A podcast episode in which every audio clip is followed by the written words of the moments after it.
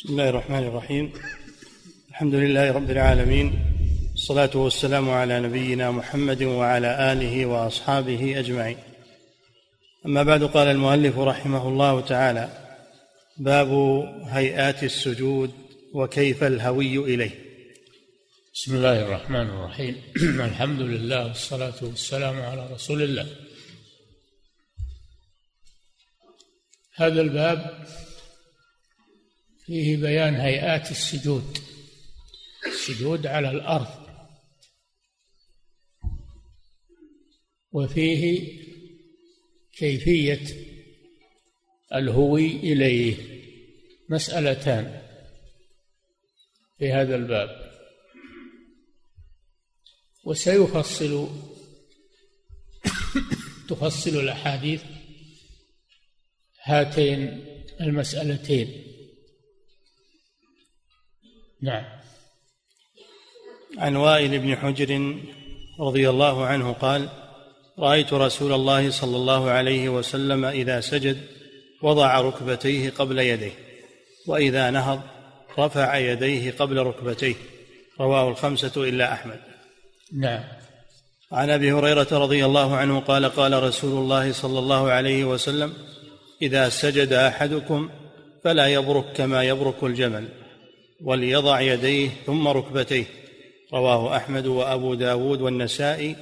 وقال الخطابي حديث وائل بن حجر أثبت من هذا. نعم هذا الحديث في كيفية الهوي إلى السجود وأنه ورد في كيفيته حديثان. حديث وائل بن حجر رضي الله عنه أن النبي صلى الله عليه وسلم قال إذا سجد أحدكم فليضع يديه قبل ركبتيه. يضع ركبتيه قبل يديه. هذا حديث وائل بن حجر. يضع ركبتيه قبل يديه على الأرض. يعني يهوي على ركبتيه اولا ثم يضع يديه على الأرض إذا سجد. وفي حد وفي الرواية الأخرى ولا يبرك كبروك البعير. لأن البعير أول ما يقع على الأرض يداه شيء ملاحظ. ثم ركبتاه. هذا شيء ملاحظ من بروك البعير. أنه يبرك على يديه أولا ثم يضع ركبتيه. نحن أمرنا بأن لا نتشبه بالبعير.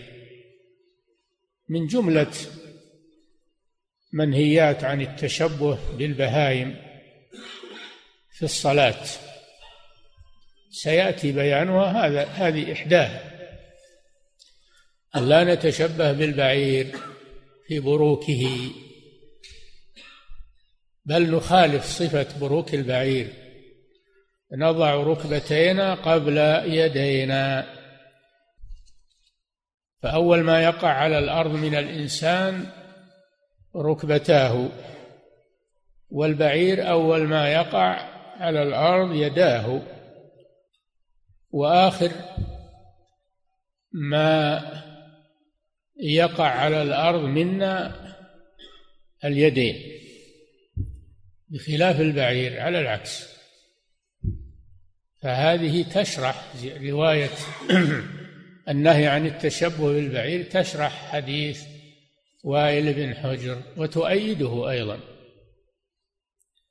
وهذه الصفة قال بها جمع من العلماء وأخذوا بها. والمصنف كما ترون يقول رواية وائل بن حجر أصح من حديث أبي هريرة. حديث أبي هريرة على العكس يضع يديه قبل ركبتيه. قبل ركبتيه. هذه توافق بروك البعير. رواية أبي هريرة توافق بروك البعير تماما. ونحن نهينا عن التشبه بالحيوانات. فالإنسان حينما يهوي للسجود أول ما يقع على الأرض مؤخرته وآخر ما يقع على الأرض مقدمته. خلاف البعير أول ما يقع على الأرض عند بروكه مقدمته وآخر ما يقع على الأرض مؤخرته. عند القيام من السجود عند القيام من السجود أول ما يرتفع من الإنسان مقدمته وآخر ما يرتفع مؤخرته البعير بالعكس. عندما يقوم البعير فإن أول ما يرتفع منه مؤخرته وآخر ما يرتفع مقدمته. شيء واضح هذا. حديث أبي هريرة بالعكس. يوافق بروك البعير. وقد صحح حديث أبي هريرة ورجحه جمع كثير من العلماء على حديث وائل بن حجر بينما البعض الآخر بالعكس. قدموا حديث وائل بن حجر على حديث أبي هريرة. فالمسألة خلافية. وابن القيم في زاد المعاد أيد الرأي الأول وقال إن رواية وليضع يديه قبل ركبتيه انقلبت على الراوي. انقلبت الحديث فيه فيه قلب. والصواب أنه وليضع وليضع ركبتيه قبل يديه هذا هو الصواب. انقلب على الراوي فقال وليضع يديه قبل ركبتيه. المسألة لا تزال خلافية كثير من المحدثين أخذوا برواية أبي هريرة رجحوها والبعض الآخر أخذوا برواية وائل بن حجر رجحوها. ولكن الرسول أحالنا على صفة بروك البعير وهي واضحة. كل أحد يشوف بروك البعير. واضحة جدا. بها يترجح حديث وائل بن حجر رضي الله تعالى عنه. نعم.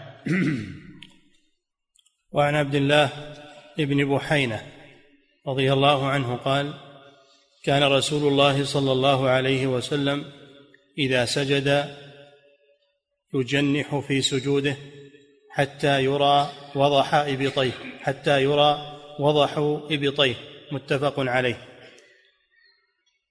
هذه صفة ثانية من صفات السجود كيفية الأعضاء في السجود. منها أنه يجنح عضديه يجنح يعني يجعلهما كالجناحين بمعنى أنه يجافي عضديه عن جنبيه يجافي عضديه عن جنبيه. وذلك لأجل أن يسجد كل عضو بنفسه ولا يعتمد على العضو الآخر فلا يعتمد ب فلا يعتمد على جنبيه بعضديه بل يفرق بينهما حتى يرى بياض إبطه عليه الصلاة والسلام ما يدل على الاعتناء بتفريج بين بين العضدين والجنبين. إلا في حالتين. الحالة الأولى إذا كان بجانبه أحد ويضايقه بالتجنيح فإنه يقرب عضديه إلى جنبيه ولا يبالغ في التجنيح لئلا يؤذي من بجانبه. هذه مسألة. المسألة الثانية إذا كان السجود طويلا مثل سجود التهجد فإنه تتعب يداه إذا جنحهما من طول السجود. فلا بأس أن يضمهما إلى جنبه ويعتمد على ركبتيه في في السجود لأجل تجنب التعب في ذلك. نعم. وعن أنس رضي الله عنه عن النبي صلى الله عليه وسلم قال اعتدلوا في السجود ولا يبسط أحدكم ذراعيه انبساط الكلب. رواه الجماعة. الاعتدال في السجود يعني يجعل كل عضو يأخذ قسطه من الطمأنينة ويعدل بين أعضائه فلا يمل بعضها ويضم الآخر بل يعدل بين أعضائه. هذا الاعتدال في السجود ولا يضع يبسط ذراعيه على الأرض وهو ساجد بل يرفع ذراعيه وهو ساجد. لأن هذا تشبه بالكلب. ونحن نهينا عن التشبه بالبهائم في الصلاة ومنها تشبه بالكلب ببسط ذراعيه. الكلب إذا انبطح على الأرض فإنه يبسط ذراعيه يبسط ذراعيه على الأرض وكلبهم باسط ذراعيه بالوسيط. هذه صفة الكلب. شيء مشاهد هذا. فالساجد لا يتشبه بالكلب يرفع ذراعيه يضع كفيه على الأرض ويرفع ذراعيه. نعم. وعن أبي حميد في صفة صلاة رسول الله هذا الحديث الثاني في المسألة السابقة. نعم. وعن أبي حميد في صفة صلاة رسول الله صلى الله عليه وسلم قال إذا سجد فرج بين فخذيه غير حامل بطنه على شيء من فخذيه. رواه أبو داود.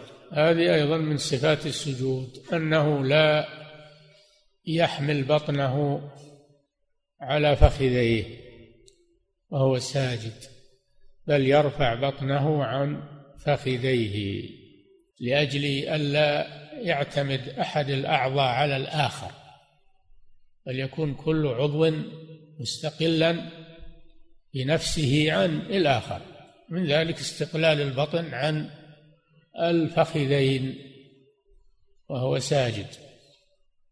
نعم. وعن أبي حميد رضي الله عنه أن النبي صلى الله عليه وسلم كان إذا سجد أمكن أنفه وجبهته من الأرض ونحى يديه عن جنبيه ووضع كفيه حذو منكبيه. رواه أبو داود والترمذي وصححه. نعم وهذه من صفات السجود أن النبي صلى الله عليه وسلم كان نعم. كان إذا سجد أمكن أنفه وجبهته من الأرض. نعم. الساجد يمكن جبهته وأنفه من الأرض ولا يرفع جبهته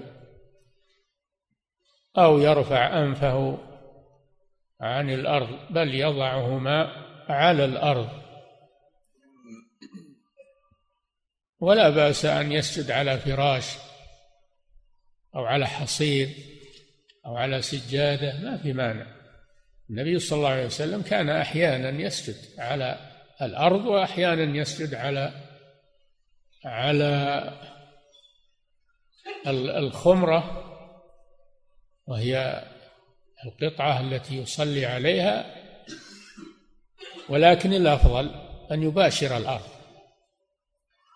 الأفضل أن المصلي يباشر الأرض بجبهته وأنفه. وإذا صلى على حائل بينه وبين الأرض من فراش ونحوه فلا بأس. خصوصا إذا كان يتأذى بوضع جبهته وأنفه على الأرض من من الحرارة حرارة الأرض الرمضة أو الأرض فيها حصى أو شوك فلا مانع أن يضع شيئا يسجد عليه يتقي به ما على الأرض من الحرارة أو من الشوك ونحوه. نعم. يمكن جبهته. هذه واحدة. نعم. ونحى يديه عن جنبيه. هذه الثانية هذه مثل الرواية الأولى يجنح. يجنح عضديه عن جنبيه. نعم. ووضع كفيه حذو منكبيه. صفة ثالثة أنه يسجد على كفيه أيضا. على الأرض يضعهما على الأرض أو على المصلى ويجعلهما حذو منكبيه. لا يقدمهما حتى يكون بحذاء الرأس. لا حذاء المنكبين. ولا يؤخرهما أيضا. يكون بحذاء الركبتين بل يجعلهما حذاء حذاء المنكبين. نعم. باب أعضاء السجود. أعضاء السجود السبعة التي هي الجبهة والأنف واحد اليدان الركبتان القدمان. هذه سبعة أعضاء يسجد عليها المسلم لا يرفع منها شيئا. سبعة أعضاء تسمى بأعضاء السجود. وقالوا في تفسير قوله تعالى وأن المساجد لله أن المراد بها أعضاء السجود. نعم. باب أعضاء السجود. عن العباس بن عبد المطلب أنه سمع رسول الله صلى الله عليه وسلم يقول إذا سجد العبد سجد معه سبعة آرب سبعة؟ سبعة سبعة آراب. آراب.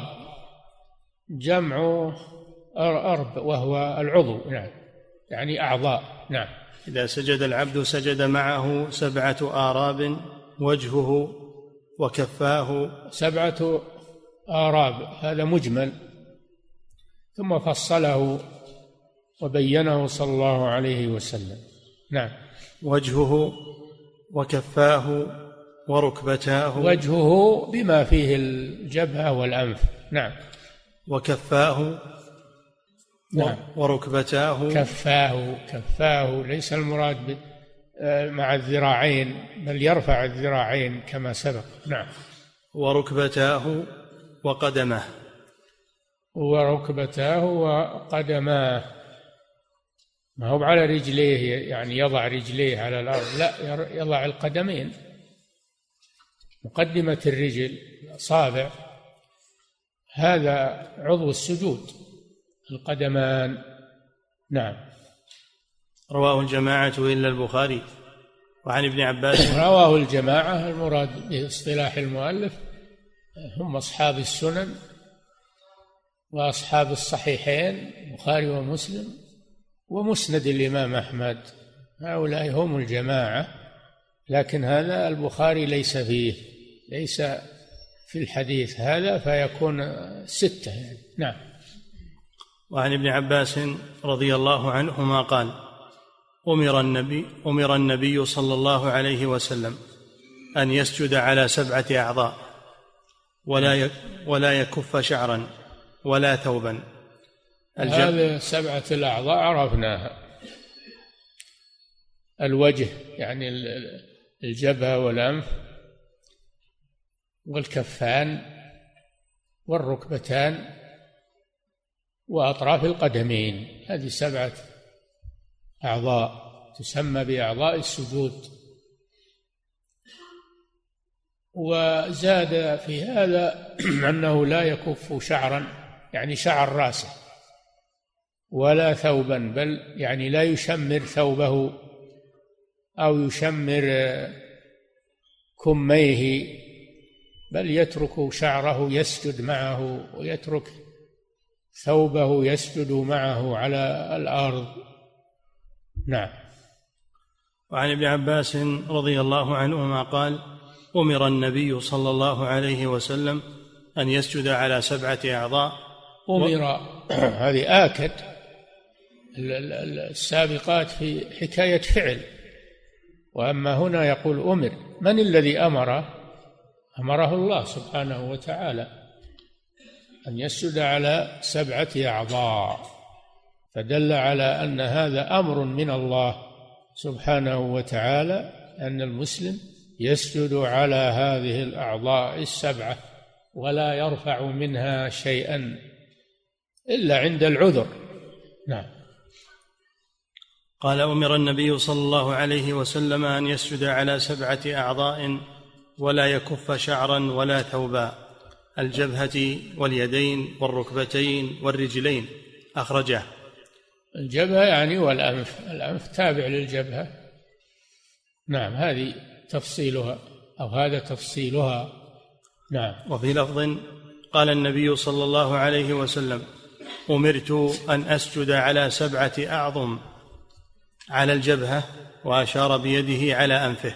نعم يعني والأنف معها. واليدين والركبتين وأطراف القدمين. واليدين المراد بهما الكفان. وليس كامل اليد بالذراع لا. مراد بهما الكفان فقط. نعم. واليدين؟ والركبتين معروفتان نعم. وأطراف القدمين؟ أطراف يعني ليس القدمين أو الرجلين.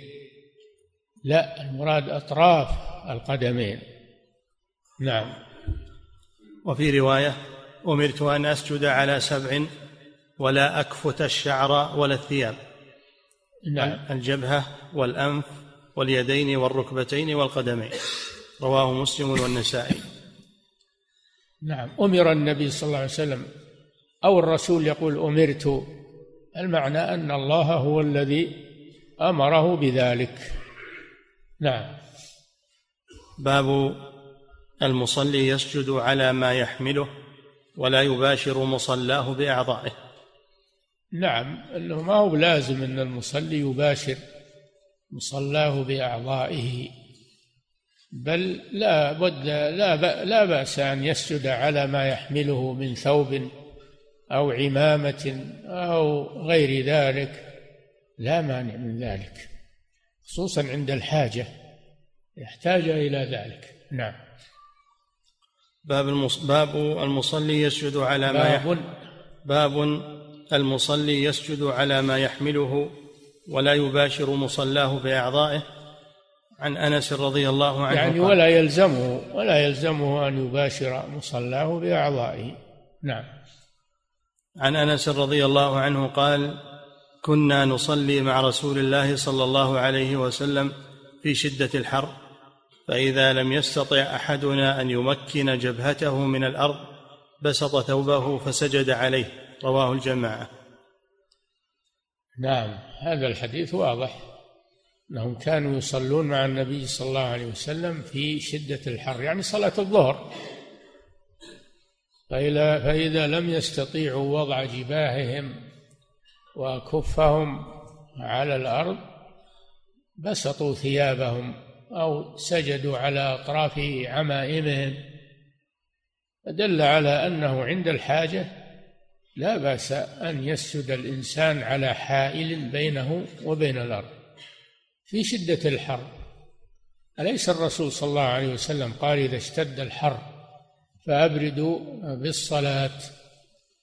فإن شدة الحر من فيح جهنم. هل كان النبي صلى الله عليه وسلم يصلي الظهر في شدة الحر أو أنه يبرد بها؟ يبرد بها. ولكن المراد الحرارة الباقية. الحرارة الباقية على الأرض. حتى بعد الإبراد يكون على الأرض حرارة. فهم يتوقونها. يتوقونها بذلك. دل هذا على أنه لا بأس أن يضع المصلي شيئا يسجد عليه عند الحاجة. نعم. وعن ابن عباس رضي الله عنهما قال لقد رأيت رسول الله صلى الله عليه وسلم في يوم مطير وهو يتقي الطين إذا سجد بكساء عليه يجعله دون يديه إلى الأرض إذا سجد رواه أحمد. وهذا أيضا من الأعذار التي التي تبيح للمسلم أن يجعل حائلا بينه وبين الأرض. وهو الأرض المبتلة بالماء. يكون فيها ماء أو طين فإنه يضع ما يقيه من الأرض من من بلل الماء أو من دحض الطين يضع عليه شيئا. النبي صلى الله عليه وسلم صلى والأرض عليها مطر فكان يتقي ذلك بوضع ثوبه على على الأرض. إذا كان على الأرض حرارة أو شوك أو طين أو بلل فإنه يتوقع ذلك ويجعل بينه وبين ذلك الشيء ما يقيه منه لأن هذا أدعى للطمأنينة في الصلاة. أنت لو سجدت على شوك ولا على حصى ولا على حرارة لا تطمئن في صلاتك. ولكن إذا وضعت بينك وبين هذا المؤذي حائلا فإنك تتمكن من الطمأنينة والطمأنينة ركن من أركان الصلاة. نعم. وعن عبد الله بن عبد الرحمن قال جاء النبي صلى الله عليه وسلم فصلى بنا في مسجد بني الأشهل. فرأيت من الأنصار بني الأشهل من الأنصار. نعم. فرأيته واضعا يديه في ثوبه إذا سجد. رواه أحمد وابن ماجه وقال على ثوبه. نعم وهذا أيضا من الأدلة على أنه لا بأس أن يجعل على يديه شيئا على كفيه بينه وبين الأرض. سواء جعل بينه وبين الأرض بجميع أعضائه حائلا أو بعض الأعضاء لا بأس بذلك خصوصا عند الحاجة. نعم. وقال البخاري قال الحسن كان القوم يسجدون على العمامة والقلنسوة ويداه في كمه. نعم. البخاري ذكر عن الحسن الحسن البصري تابعي الجليل أنهم كانوا أي الصحابة إن الحسن تابعي. الصحابة كانوا كان يسجدون على العمامة. على العمامة التي على الرؤوس. يعني لا ينقضونها يسجدون على أكوارها. أو يبسطون الثوب ويسجدون عليه. هكذا كان أصحاب رسول الله صلى الله عليه وسلم. هذا هذا الأثر يسمى بالمعلق. المعلق وهو ما ذكره البخاري بدون سند سماه بالمعلق. وهو على نوعين معلق مجزوم به ومعلق غير مجزوم به. نعم كان يقول يروى عن الحسن جاء عن الحسن أما إذا قال قال الحسن فهذا معلق مجزوم به. نعم. وقال البخاري قال الحسن كان القوم يسجدون على العمامة. كان القوم يعني الصحابة رضي الله عنهم. نعم. كان القوم يسجدون على العمامة والقلنسوة ويداه في العمامة معروفة. ما يلف على الرأس يكون أكوارا بعضها فوق بعض حتى تغطي معظم الرأس.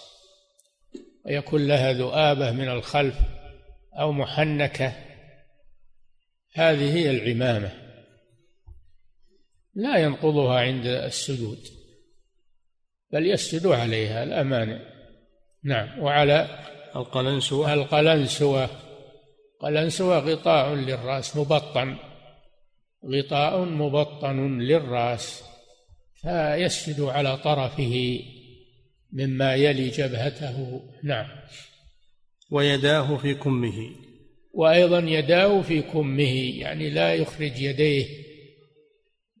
ليسجد على يضعهما على الأرض مباشرة بل يضعهما على الأرض داخل الكم. دل على أنه لا بأس بالحائل على أعضاء السجود أو على بعضها. نعم. وروى سعيد. نعم أعد. وقال البخاري قال الحسن كان القوم يسجدون على العمامة رهن العمامة. نعم. والقلنسوة. والقلنسوة غطاء للرأس مبطن نعم. ويداه في كمه. نعم. وروى سعيد في سننه عن إبراهيم. سعيد بن منصور. سعيد في سننه يعني من سنن سعيد بن منصور. وهي تجمع بين الأحاديث وبين الفقه والفتاوى. كتاب عظيم لكنه مفقود ما وجد إلا بعضه. نعم. وروى سعيد في سننه عن إبراهيم قال إبراهيم يعني النخعي. إبراهيم النخعي كان من كبار التابعين ومن تلاميذ ابن مسعود. رضي الله عنه. نعم. روى سعيد في سننه عن إبراهيم قال كانوا يصلون في المساتق والبرانس. كانوا يصلون كانوا يعني الصحابة. كانوا يصلون في المساتق. المساتق. والمساتق هي الفرا طويلة. الفرا الطويلة. نعم. والبرانس؟ البرانس البرنس هو الثوب الذي رأسه منه. برنس هو الثوب الذي رأسه منه. يسجدون على طرفه. نعم. والطيالسة. الطيالسة كذلك من ملابس الرأس. قيل هو هو القلنسوة. نعم. كانوا يصلون في المساتق والبرانس والطيالسة ولا يخرجون أيديهم. نعم. ولا يخرجون أيديهم يجردونها لأجل السجود على الأرض. نعم. باب الجلسة بين السجدتين وما يقول فيها. نعم. خلصنا من السجود وصفاته. نعم. باب أعضائه وصفاته وما يجوز فيه. نعم. باب الجلسة بين السجدتين وما يقول فيها عن أنس رضي الله عنه قال كان رسول الله صلى الله عليه وسلم إذا قال سمع الله لمن حمده قام حتى نقول قد أوهم ثم يسجد ويقعد بين السجدتين حتى نقول قد أوهم. رواه مسلم. نعم الاعتدال من الركوع. كان النبي صلى الله عليه وسلم يقوم من الركوع ثم يبقى قائما بعد الاعتدال يبقى قائما بعد الاعتدال ويطيل القيام حتى يقول من خلفه قد أوهم يعني نسي. ودل هذا على أن أن أنه لا يكفي الرفع من الركوع. لا يكفي الرفع من الركوع بل لا بد من الاعتدال بعده وأنه يطيل الاعتدال إطالة نسبية يطيله إطالة نسبية. لا أنه إذا رفع ركع على طول ولم يعت ولم يقف معتدلا كما يفعله بعض الذين ينقرون الصلاة. نعم. كان رسول الله صلى الله عليه وسلم إذا قال سمع الله لمن حمده قام حتى نقول قد أوهم ثم يسجد. قام قام يعني بعد الرفع من الركوع. قام بعد الرفع من الركوع. ويطيل ذلك. ويقول فيه ما سبق. اللهم ربنا ولك الحمد حمدا كثيرا طيبا مباركا إلى آخره. نعم. ثم يسجد ويقعد بين السجدتين حتى نقول قد أوهم رواه مسلم. هذه المسألة الثانية. المسألة الأولى الاعتدال من الركوع والقيام بعده وإطالة ذلك نسبيا. المسألة الثانية الجلسة بين السجدتين. يرفع من السجود ويجلس لا أنه يرفع ثم يسجد على طول لا يرفع ويجلس ويطيل حتى يقول قد أوهم يعني قد نسي. دل على إطالة الجلوس بين السجدتين نسبيا أيضا ولا بمجرد ما يرفع يسجد ثاني بمجرد ما يرفع من الركوع يسجد على طول. هذا مخالف للسنة. وإن قال به بعض العلماء بعض العلماء يقول يكفي أنه يرفع ثم يركع على طول. يرفع من السجود ثم يسجد الثاني على طول.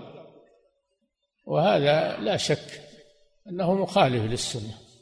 وإن قال به من قال من أهل العلم كالحنفية وغيرهم لكن السنة أحق بالاتباع.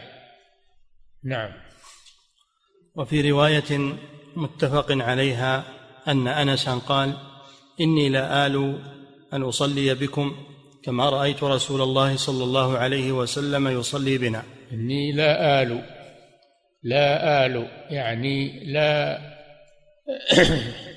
لا أستعجل أو لا بد أن أن أن أصبر على على الاقتداء بالرسول صلى الله عليه وسلم.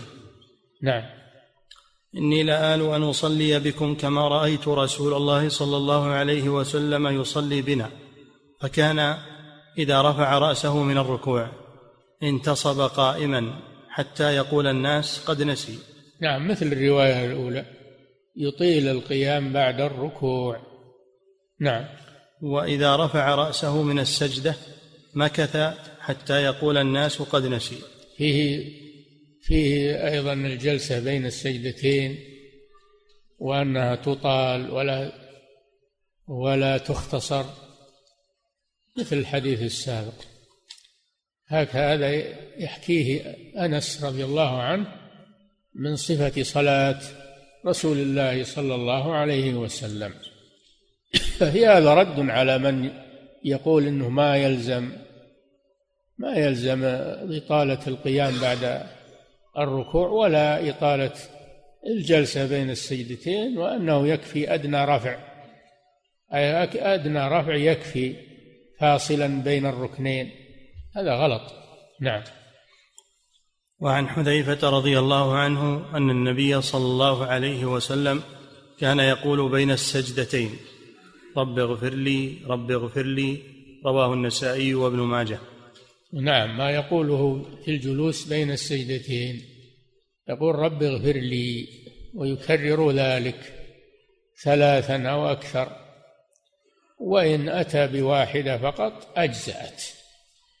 ولكن كونه يكرر رب اغفر لي ثلاثا أو خمسا أو سبعا أو تسعا أو عشرا. لا شك أن هذا أفضل. نعم. وعن ابن عباس رضي الله عنهما أن النبي صلى الله عليه وسلم ويزيد عليه إن زاد عليه رب اغفر لي وارحمني واهدني وعافني وارزقني.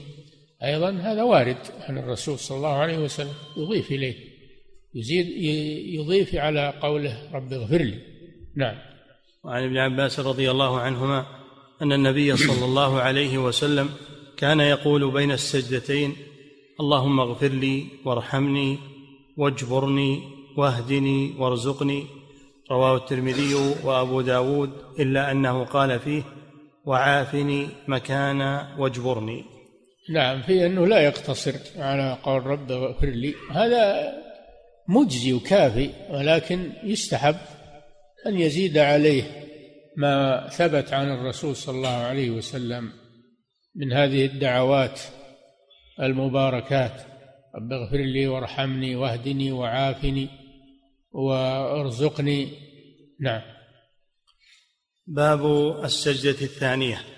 نعم. ولزوم الطمأنينة في الركوع والسجود والرفع عنهما.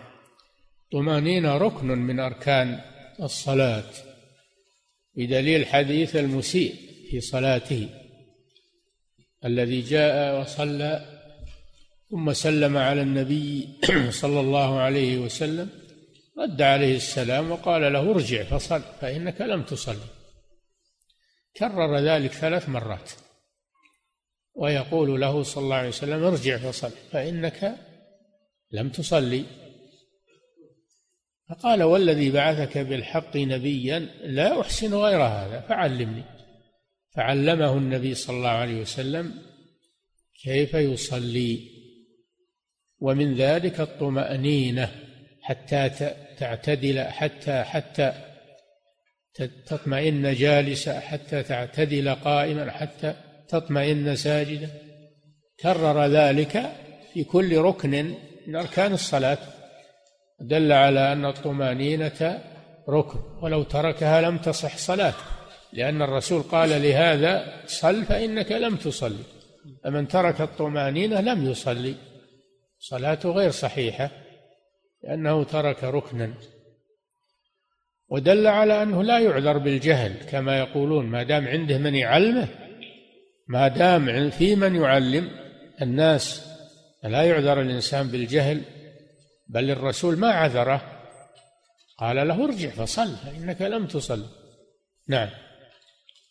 عن أبي هريرة رضي الله عنه أن رسول الله صلى الله عليه وسلم دخل المسجد. لأنه قال لا أحسن غير هذا ومع هذا قال له صل فإنك لم تصلي. دل على أنه لا يعذر بالجهل ما دام بإمكانه أن يتعلم بإمكانه أن يسأل.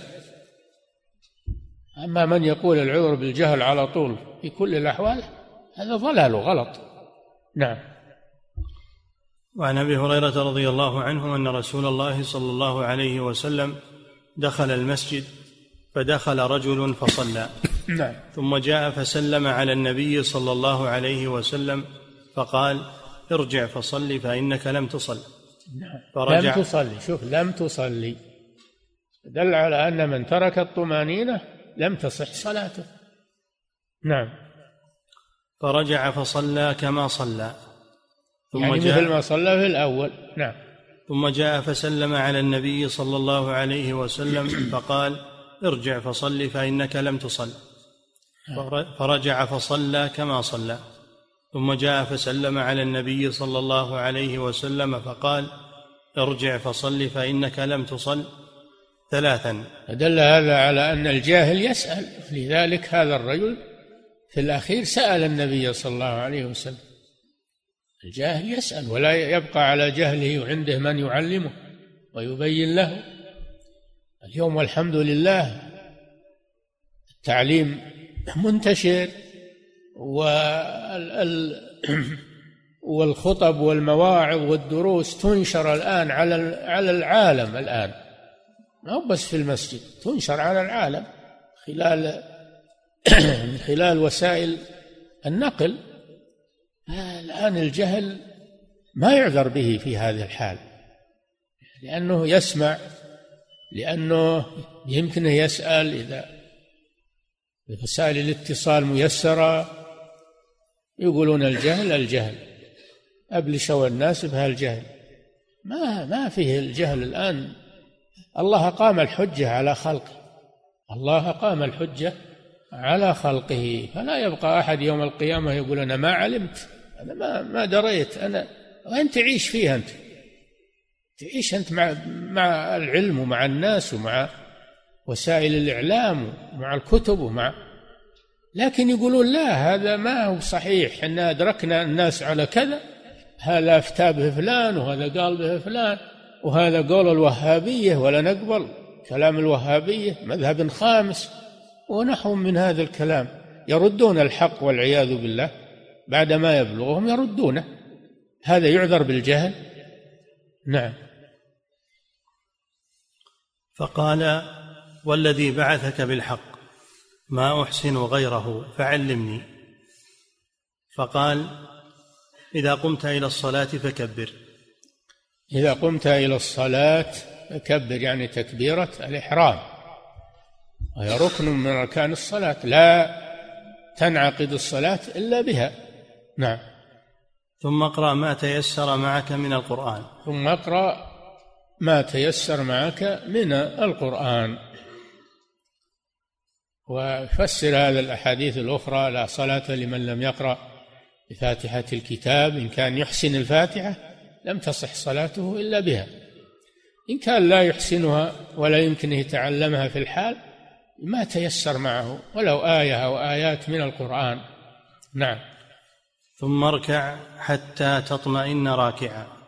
هذا محل الشاهد تطمئن. نعم. ثم ارفع حتى تعتدل قائما. وهذا أيضا أن الطمأنينة في الاعتدال لا بد منها. نعم. ثم اسجد حتى تطمئن ساجدا. نعم. ثم ارفع حتى تطمئن جالسا. شوف في كل ركن يقول حتى تطمئن. دل على أن الطمأنينة ركن لا بد منه في الصلاة. نعم. ثم اسجد حتى تطمئن ساجدا ثم افعل ذلك في الصلاة كلها. متفق علمه ركعة بقيامها وركوعها وسجودها ثم قال له قس عليها بقية صلاتك. نعم. متفق عليه متفق عليه. لكن ليس لمسلم فيه ذكر السجدة الثانية. وفي رواية لمسلم إذا قمت إلى الصلاة فأسبغ الوضوء ثم استقبل القبلة فكبر. الحديث. استقبل أسبغ الوضوء. يعني إكمال الوضوء إكمال الإسباغ معناه الإتمام. فلا تصح الصلاة بوضوء ناقص. نعم. وعن حذيفة رضي الله عنه أنه رأى رجلا لا يتم ركوعه ولا سجوده. فلما قضى صلاته دعاه فقال له حذيفة ما صليت؟ ولو مت مت على غير الفطرة التي فطر الله عليها محمدا صلى الله عليه وسلم.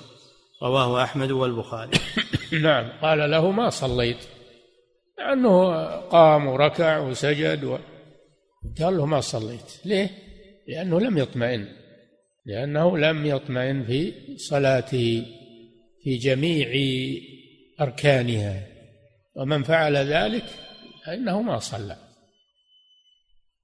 ما صليت. ولو مت وأنت على هذه الحالة مت على غير الفطرة التي فطر الله عليها نبيه صلى الله عليه وسلم. دل على أنه لا يعذر بالجهل. ما دام عنده من يعلمه أو يسمع الدروس ويسمع المحاضرات ويسمع كلام أهل العلم الذي ينشر فإنه لا يعذر بالجهل. يتعصب القول فلان وفلان ويرفض ما يسمع من الخير ومن الحق. هذا ما ينفعه ذلك. لا يعذر بالجهل في مثل هذا. نعم. وعن أبي قتادة رضي الله عنه قال قال رسول الله صلى الله عليه وسلم أسوأ الناس سرقة الذي يسرق من صلاته. السرقة محرمة كبيرة من كبائر الذنوب ولعن النبي صلى الله عليه وسلم السارق وأمر الله جل وعلا بقطع يده قطعه الرسول صلى الله عليه وسلم وأمر بقطعه. دل على أن السرقة جريمة عظيمة كبيرة من كبائر الذنوب. ولا تختص بسرقة الأموال بل سرقة العبادات أيضا أشد. أسوأ الناس سرقة شوف أسوأ من اللي تقطع يده. أسوأ الناس سرقة الذي يسرق من صلاته. يعني فلا يتمها.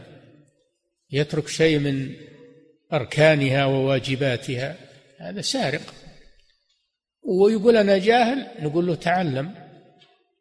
لا تصلي وأنت باق على جهلك تعلم. العلماء موجودون والدروس موجودة. اسأل.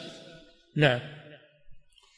قال رسول الله صلى الله عليه وسلم أسوأ الناس سرقة الذي يسرق من صلاته.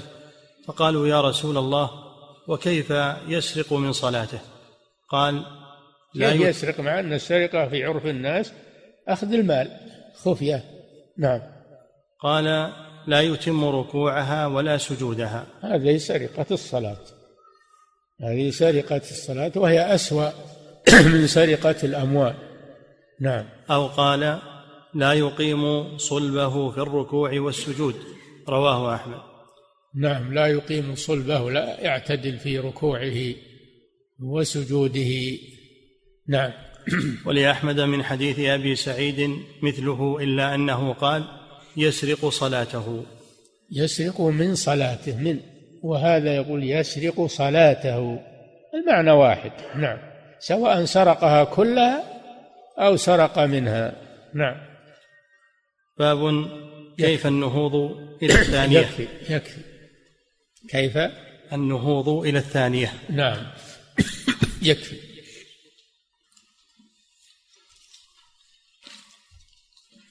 فضيلة الشيخ وفقكم الله. يقول ما حكم وضع الشماغ على الأرض والسجود عليه في حال الزكام والسعال؟ حال؟ ما حكم وضع الشماغ على الأرض والسجود عليه في حال الزكام والسعال لا بأس عند الحاجة لا بأس بذلك.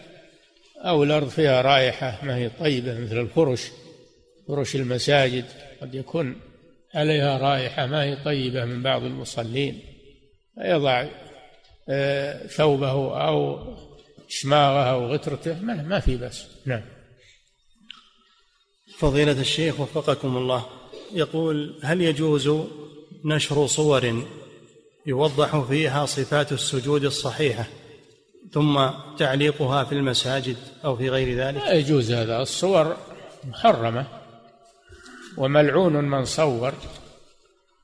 ولا عهد إن الصحابة والتابعين والقرون المفضلة ومن جاء بعدهم إنهم يعلمون عن طريق التصوير يعني وسيلة محرمة. ننشر العلم بطريقة محرمة ما يجوز العلم والحمد لله واضح. يعلمون بالكلام ب... لا بأس إنك تعلمه بالفعل تقول له صل معي صل معي أو تصلي أمامه وتقول صل كذا. ما في مانع. أما الصورة لا ما يجوز هذا. وتعلق بالمساجد أيضا. هذا ما يجوز. نعم. فضيلة الشيخ وفقكم الله.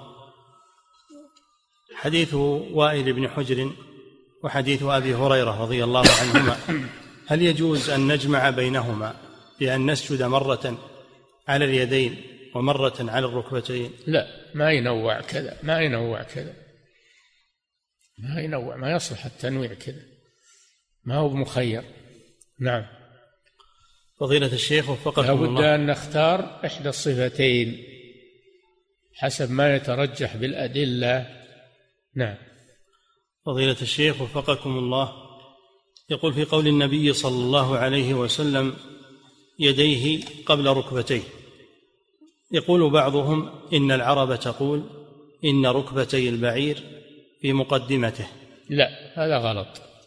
ما حد قال من أهل اللغة العربية إن الركبتين في اليدين لا من البهائم ولا من الآدميين. نعم. فضيلة الشيخ وفقكم الله ما حكم صحة سجود من قبض كفيه؟ ثم ما حكم سجود من قبض كفيه ثم سجد؟ لأن بعض المصلين يفعل ذلك عند سجوده فيقبض الكفين ولا يبسطهما. مجزي لكنه خلاف. الأولى بسط الكفين على الأرض وإذا قبضه أجزأ لأنه سجد على يديه. نعم. فضيلة الشيخ وفقكم الله. يقول حفظك الله. يقول هل يقال بأن للبعير يدين؟ لأن الله سبحانه وتعالى يقول فمنهم من يمشي على رجلين ومنهم من يمشي على أربع يعني أربعة أرجل. فهل يقال بأنها أيدي؟ نعم. البعير له يدان يمشي عليهما. من البهائم من يمشي على يديه ورجليه ومنهم من يمشي على رجلين فقط كالدجاج والطيور و... نعم. فضيلة الشيخ وفقكم الله السجود على الأعضاء السبعة أو على الأعظم السبعة يقول ما مقدار الواجب؟ هل يكفي بقدر الذكر الواجب ثم يرفع شيئا؟ لا يرفع شيئا إلا لعذر. بدون عذر ما دام ساجدا فإنه واضع أعضاءه على على موضع سجوده. نعم. ما يرفع إلا لعذر. نعم. فضيلة الشيخ وفقكم الله. يقول ما حكم سجود من يسجد على جبهته دون أنفه؟ لا يصح. لا يصح أن يسجد على جبهته دون أنفه لأن الرسول صلى الله عليه وسلم أشار إلى الأنف. أشار إلى الأنف كما في الحديث يسجد عليه مع الجبهة إلا إلى عذر شرعي. نعم. فضيلة الشيخ وفقكم الله يقول ما حكم من سجد وقال الذكر الواجب ثم رفع رأسه لحاجة ثم ما؟ أعاده؟ ما حكم؟ ما حكم من سجد وقال الذكر الواجب ثم رفع رأسه قليلا لحاجة ثم أعاده؟ ما. ما يرفع رأسه لحاجة يقطع السجود ثم يعود إليه؟ لا. يخفف السجود إذا احتاج إذا احتاج إلى رفع رأسه فإنه يخفف السجود قدر المجزي. فلا بأس. لكن يرفع ثم يعود؟ لا. نعم. فضيلة الشيخ وفقكم الله. يقول بعض العلماء يجعلون الشماغ عندما يوضع على الكتف وينسف على الكتف أنه من كف الثوب وأنه منهي عنه فهل هذا صحيح؟ لا ما هو صحيح. كف الثوب أنك تكف أسفل ثوبك أو إزارك تشمر أو تكف كميك هذا كف الثوب. نعم. فضيلة الشيخ وفقكم الله. والشماغ ليس ثوبا. الشماغ غطاء الرأس ما هو ثوب؟ نعم. فضيلة الشيخ وفقكم الله هل الحديث الذي ورد فيه المجافاة في السجود؟ ها؟ الحديث الذي ورد فيه المجافاة في السجود هل هو نعم. عام للرجال والنساء أم هو خاص بالرجال؟ نعم هو عام للرجال والنساء إلا بدليل يدل على الفرق بينهما. نعم. فضيلة الشيخ وفقكم الله. يقول كيف يجمع بين ما ورد في حديث ابن عباس رضي الله عنهما من فعل النبي صلى الله عليه وسلم واتقائه الطين عند سجوده وبين ما ورد في حديث أبي سعيد الخدري في حديث ليلة القدر فرأيته يسجد في ماء وطين. لا بأس هذا جائز وذا جائز؟ إذا سجد على الماء والطين جائز. إذا اتقى الماء والطين فهذا جائز أيضا. نعم. فضيلة الشيخ وفقكم الله يقول هل يلزم وجود سبب لكي يوضع لكي يضع الإنسان شيئا يسجد عليه أم أن الأمر جائز فله أن يضع شيئا ولو لم يحتج؟ نعم له أن يضع شيئا ولو لم يحتج. يجوز الصلاة على الفراش على السجادة يجوز الصلاة على الأرض مباشرة كله جائز. نعم. وإن كان الأفضل أنه يصلي على الأرض مباشرة. نعم. فضيلة الشيخ وفقكم الله. يقول هل على المسبل أن يكف ثوبه إذا صلى أو له أن يتركه؟ ها؟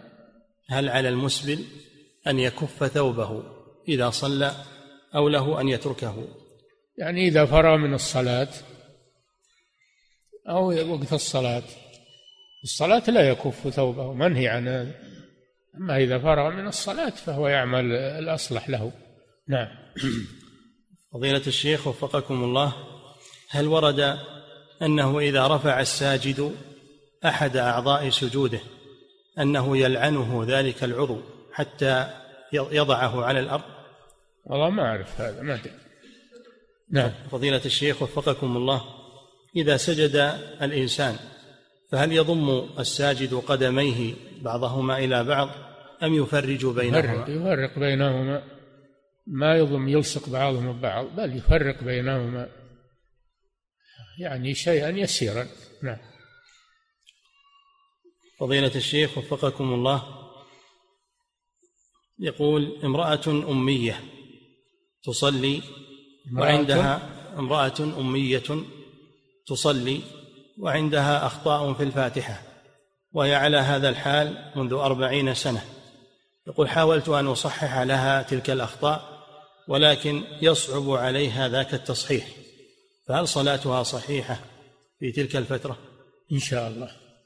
إذا كانت ما تستطيع التصحيح فإنها تعذر في بهذا نعم.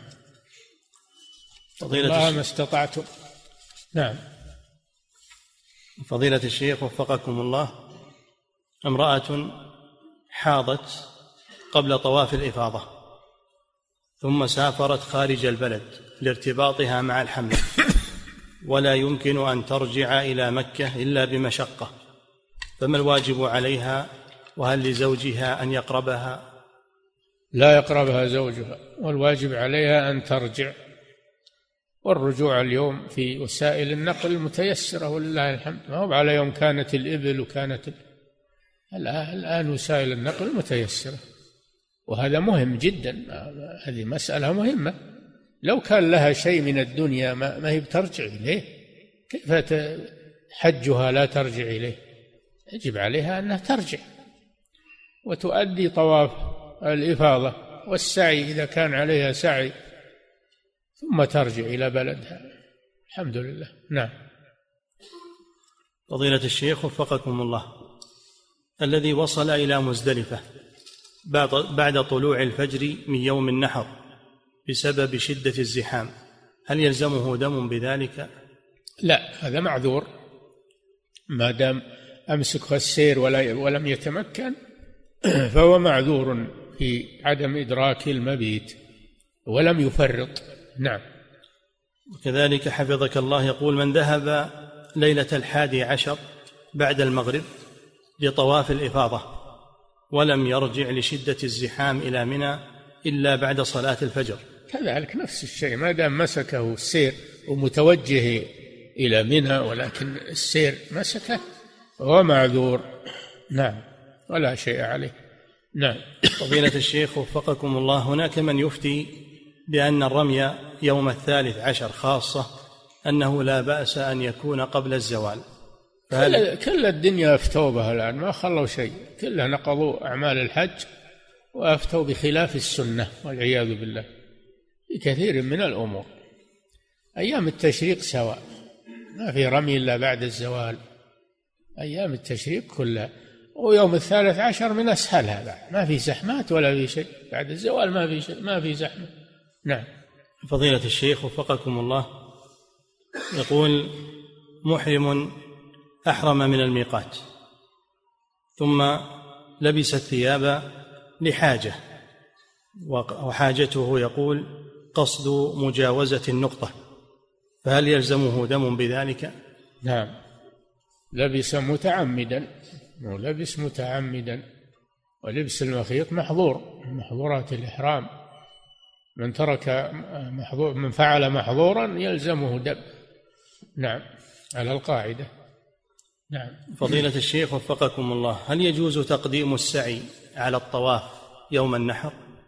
ما يجوز تقديم السعي على الطواف. هذا مخالف لفعل الرسول صلى الله عليه وسلم. وإنما قال للذي سأله قال لم أشعر يعني نسي. تقدم السعي على الطواف قال افعل ولا حرج. هذا عذره بالنسيان. وأما ما عدا ذلك الرسول صلى الله عليه وسلم كان يتعدى المسعى في كل في كل عمره وفي حجته. يتعدى المسعى يروح ويطوف يبدأ بالطواف. وقال خذوا عني مناسككم. نعم. فضيلة الشيخ وفقكم الله. يقول هل يجوز أن يجمع الإنسان رمي يوم الحادي عشر مع الثاني عشر لغير عذر؟ يجوز نعم. يجوز لأن الرسول صلى الله عليه وسلم رخص للرعاة والسقاة بجمع الرمي وأيضا قاسوه على جمع الصلاتين بعضهما مع بعض في وقت الأخرى. فيجوز جمع تأخير الرمي فعله في آخر يوم لا بأس بذلك. نعم. فضيلة الشيخ وفقكم الله يقول الذين قد صلوا صلاة العيد يوم الجمعة هل يصلون الظهر في المساجد بدون أذان أم تصلى في البيوت؟ ما ينبغي أن تظهر الظهر في المساجد لكن يصلون في أمكنة مع بعضهم. ولا يظهرون هذا. يهجرون الجمعة والمسجد الجامع ويصلون بالمساجد. بعضهم يؤذن للظهر. بعضهم يؤذن للظهر. هذا غلط. نعم. إنما رخص له أنه لا يحضر الجمعة. رخص له. لا يحضر الجمعة. أما أنهم يجتمعون ويقيمون جماعة في المساجد كسائر الأيام هذا مظهر ما هو طيب نعم. فضيلة الشيخ وفقكم الله إنسان أحرم بالعمرة في اليوم الثامن ثم اعتمر إنسان. إنسان إنسان أحرم بالعمرة في اليوم الثامن يوم التروية ثم اعتمر وحلق وتحلل لمدة نصف ساعة فقط ثم لبى بالحج وذهب إلى منى. هل فعله هذا صحيح؟ نعم فعله صحيح. أدى العمرة كملها ثم تحلل ثم بقي زمنا يسيرا ثم أحرم بالحج. الفاصل بين الحج والعمرة للمتمتع ليس له حد. قليل أو كثير ما له حد. نعم. فضيلة الشيخ وفقكم الله هل يجوز رمي جمرة العقبة يوم العيد؟ يقول هل يجوز رمي جمرة العقبة قبل منتصف الليل ليلة العيد؟ لا. الرسول لم يرخص إلا بعد منتصف الليل. فلا يجوز قبل منتصف الليل لأنه ما دخل وقته مثل اللي يصلي قبل دخول الوقت. نعم. فضيلة الشيخ وفقكم الله يقول من خا المرأة التي تخاف المرأة التي تخاف أن تحيض فطافت طواف الإفاضة. يقول المرأة الذي خشيت أن يقع عليها الحيض. وينزل عليها الحيض فطافت طواف الإفاضة قبل يوم النحر. هل فعلها صحيح؟ ما يصح. ما بعد جاء وقته. ما بعد جاء كل النساء يحيضن. والحمد لله هذا شيء كتبه الله على بنات آدم. حتى عائشة أم المؤمنين حاضت. حاضت وهي محرمة بالعمرة. ولما ضايقها الوقت أمرها النبي صلى الله عليه وسلم أن تحرم بالحج وتدخله على العمرة. وتصبح مت... تصبح قارنة. الحمد لله إذا جاء الحيض تنتظر حتى يرتفع ثم تغتسل ثم تؤدي حجها يعني طوافها وسعيها. تعمل ما يعمل الحاج. كل أعمال الحج تعملها وهي حائض. وقوف بعرفة المبيت بمزدلفة المبيت بمنى رمي الجمار كله تعمله وهي حائض. إلا الطواف. فإنها تؤخره إلى أن تطهر كما أمر النبي صلى الله عليه وسلم عائشة بذلك. نعم. فضيلة الشيخ وفقكم الله يقول أتيت من الحج هذه السنة ووجدت في حقيبتي بعضا من حصى الجمار. يقول فماذا يصنع بها؟ وهل ما ذكره الفقهاء من أنه يكره الخروج بما هو حصى من الحرم؟ هل هذا صحيح؟ ما تعمد هذا. هو ما تع... لو تعمد فهو ما يجوز لكن هو ما تعمد هذا. فإذا ردها مع أحد أو معه ردها إلى الحرم يكون هذا أحسن. نعم. فضيلة الشيخ وفقكم الله يقول في بلادنا إذا عزم الحاج على الحج على الحج يقوم قرابته بذبح الذبائح. شكرا لله. ويجعلون هناك وليمة يجتمعون عليها. فهل هذا جائز؟ هذا لا أصل له وهذا يكلف الناس. هذه سنة يكلفون بها الناس لا أصل لها. نعم. لو كان إذا جاء من الحج كله مناسبة لاستقباله أما أما عند ذهابه للحج هذا ما له أصل. ويكلف الناس هذا الشيء.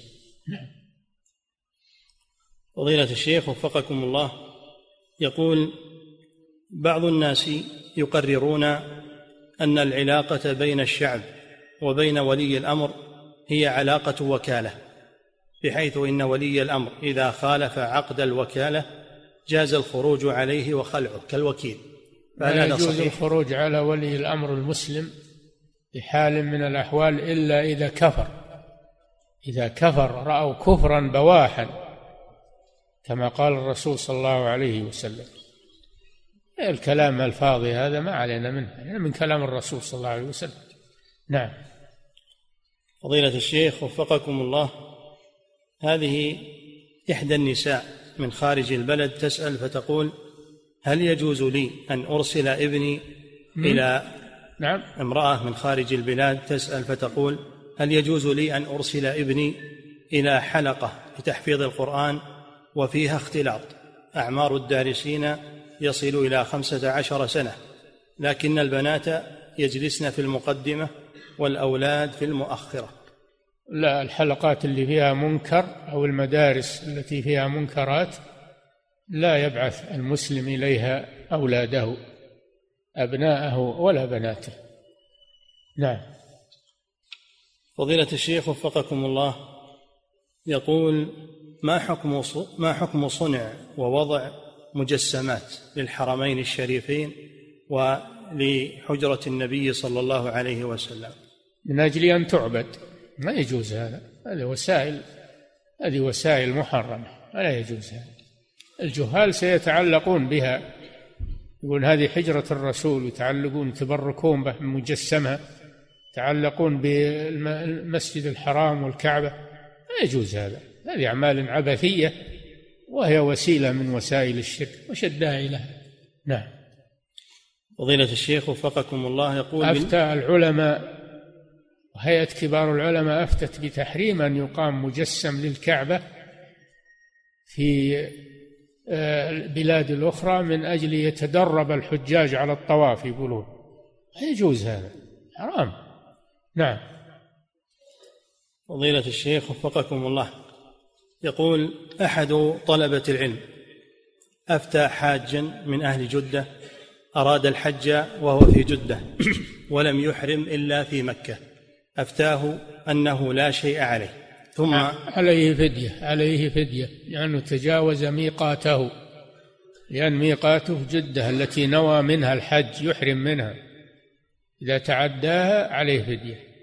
إيش يقول؟ يقول حفظك الله ثم علم طالب العلم بعد ذلك أن الواجب على من فعل هذا أن الواجب عليه دم لعدم إحرامه من ميقاته. فقام هذا طالب العلم فقام بدفع الفدية عن ذاك الحاج.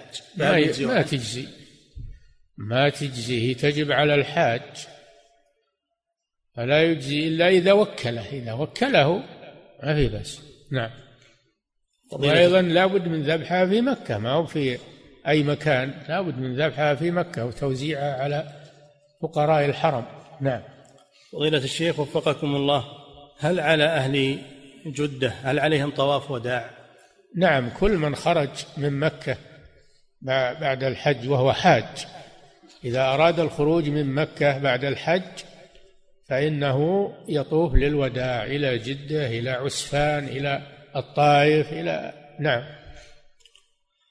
فضيلة الشيخ وفقكم الله يقول بالنسبة لمن يمكث في مكة ولم يطف طواف الوداع وقد مضى يوم الثالث عشر من ذي الحجة فهل عليهم شيء في ذلك؟ بالنسبة لمن يمكث في مكة ولم يطف طواف الوداع حتى انتهى اليوم الثالث عشر من ذي الحجة. طواف الوداع عند السفر ولو في آخر الشهر عند السفر ولو بعد الشهر أيضا. عند السفر يطوف للوداع. نعم. فضيلة الشيخ وفقكم الله يقول رجل أحرم مفردا بالحج فطاف بالبيت وسعى وقصر من شعر رأسه جاهلا. يقول فماذا عليه بالنسبة لتقصيره؟ إذا قصر من رأسه ولم يتعمد هذا فإنه يكون عليه فدية. عن قص الشعر وهو باقي على نيته الأولى ويفدي عن قصه الشعر خطأ. نعم. فضيلة الشيخ وفقكم الله هذه امرأة تقول إنها امرأة متزوجة برجل لم يذر شيئا من الفواحش أعزكم الله إلا أتاها. تقول وأنا معه منذ سنين أناصحه فلا يقلع. سؤالها هل يجوز لي البقاء معه فأنا في حالة يرثى لها بالنسبة له. والله هذا كلام واهي ما ما ندري عن حالة الرجل. هذه تذهب إلى المحكمة وتستدعي الرجل وتناقشه عند دعوى المرأة. إذا ثبت للمح عند المحكمة ما تقوله المرأة المحكمة لها الصلاحية. نعم. فضيلة الشيخ وفقكم الله. يقول رجل حج في هذا العام متمتعا ولم يكن معه مال لشراء الهدي فأراد أن يصوم ثلاثة أيام في الحج وسبعة إذا رجع فأفتاه بعض أفراد الحملة أنه طالما أنه قد صام في أول ذي الحجة ثلاثة أيام وهو في الرياض فإنه لا بأس بذلك وأنها تجزئه. ما يجزي الإحرام إلا بعد ما يجزي الصيام إلا